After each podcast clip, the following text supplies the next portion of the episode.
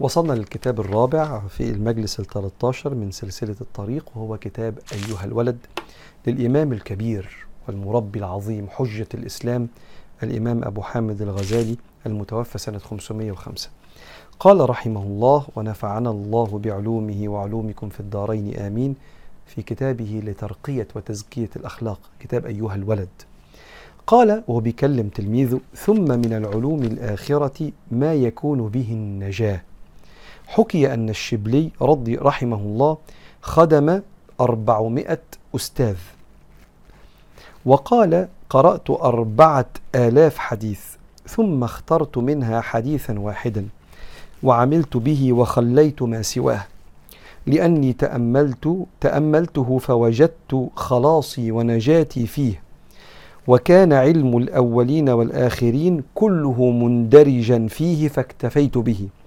وذلك أن رسول الله صلى الله عليه وسلم قال لبعض أصحابه اعمل لدنياك بقدر مقامك فيها واعمل لآخرتك بقدر بقائك فيها واعمل لله بقدر حاجتك إليه واعمل للنار بقدر صبرك عليها.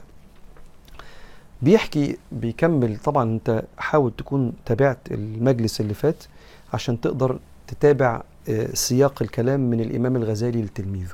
بيقول له يا ابني وفي علوم مهمة لازم تبقى عارفها مرتبطة بالأخرة ومرتبطة بعملك لما وراء ما تراه عملك للغيب اللي إحنا مؤمنين بيه.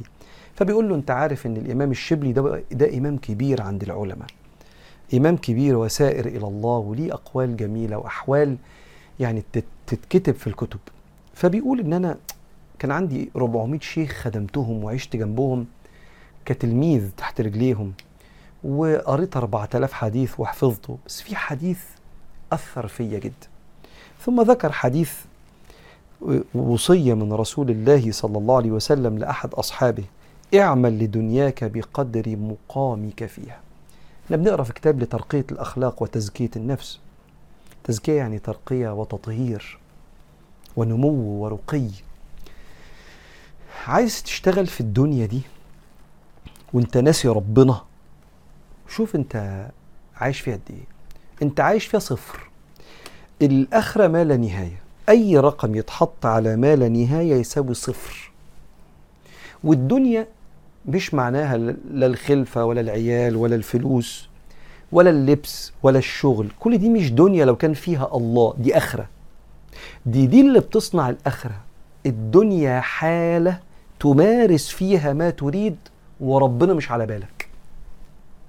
وبالتالي ما تريد ممكن يبقى بتمارس مباح عايز منه شهوة نفسك من غير ما تبقى فاكر ربنا. وده ممكن يجرك إن المباح ده عايز تكمل فيه وتنبسط وأنت ناسي ربنا فتخش بيه على الحرام. لأن أنت عندك في فروض وفي مستحبات وفي مباح وفي خد بالك في خط. تلك حدود الله فلا تقربوها والآية الثانية فلا تعتدوها. اوعى تنتقل من المباح للحرام. فبيقول له هتنسى ربنا في أي حاجة؟ طب ده أنت قاعد في الدنيا المفروض تبقى فاكر ربنا وأنت في الدنيا. ده أنت بتنام تلت عمرك بتنام سبعة تمن ساعات ده تلت عمرك. انت تعيش ستين سنة نام منهم عشرين سنة.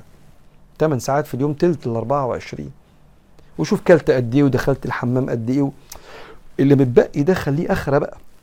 مش إنه صلاة. الصلاة ده جزء من أمر الله ما هو الشغل واللبس والأكل والشرب والعيال والتربية. كل ده ربنا أمرك بيه فهو أمر الله فده أخرة. بس يكون ربنا في بالك وبتعمله لله.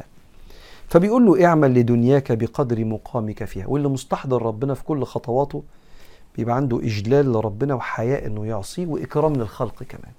فنفسه بترتقي. واعمل لآخرتك بقدر بقائك فيها. يلا ابعت بقى هناك أعمال صالحة على قد ما أنت محتاج. طب ده أنت عايز تعيش فيها للآخر. هي مفيهاش آخر. هي ما لا نهاية. يبقى تستاهل منك 60 70 سنة اللي أنت عايشهم يبقوا في ميزان حسناتك. وكل ما تغلط تتوب. كل ما تأثر ترجع. وكل ما تعصي تندم. وكأنه بيقول ده جزء ما ينفعش يتشال مننا. ان إحنا ربنا في بالنا على طول. حتى لما نغلط في بالنا بالرجوع ليه؟ عشان تبقى الآخرة تعرف تعيش فيها للآخر. واعمل لآخرتك بقدر بقائك فيها. واعمل لله بقدر حاجتك إليه. خليك مخلص. مش لازم كل حاجة تعملها يبقى من وراها مصلحة. شوف أنت محتاج لربنا قد إيه. اعمل أعمال كده في السر كده لله. لا ترجو منها لا جزاء ولا شكورا. مش عايز حاجة. عايز ربنا يبقى راضي. ابتغاء وجه ربه. ومن الناس من يشري نفسه ابتغاء مرضات الله. يباع نفسه عشان بس ربنا يبقى راضي. واعمل لله بقدر حاجتك إليه. واعمل للنار يعني اعمل لحماية نفسك من النار. بقدر صبرك عليها. تعرف تصبر على النار؟ لا ما أقدرش. ده أنا لسعة نار الدنيا ما اصبرش عليها.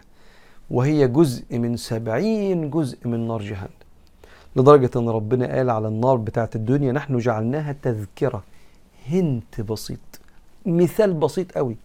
تذكرة بس عشان ومتاعا للمقوي.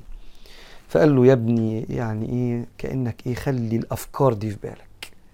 أنت مش هتصبر على النار يبقى توب على طول. إنما التوبة على الله يعني ربنا وعد إنه يتوب على مين؟ إنما التوبة على الله للذين يعملون السوء بجهالة ثم يتوبون من قريب. فأولئك يتوب الله عليهم وكان الله عليما حكيما. وليست التوبة للذين يعملون السيئات طول عمره. حتى إذا حضر أحدهم الموت قال إني تبت الآن. ولا الذين يموتون وهم كفار. اللي هو بنرجع على طول إحنا ما نستحملش نشوف النار أصلا مش نخشها. أيها الولد إذا علمت هذا الحديث لا حاجة إلى العلم الكثير. مع العلوم اللي تعرف تعبد بها ربنا ما لا يسع المسلم جهله. مع الحديث ده أنت سائر إلى الله واصل بإذن الله لربنا. ثم حكى له بعد كده قصة تسوى مال الدنيا. قصة جميلة هتقعد معانا أكتر من حلقة لو عشنا إن شاء الله لكن نأخرها للمرة الجاية. ونشوفكم على خير في المجلس القادم ال 14 بإذن الله من سلسلة الطريق.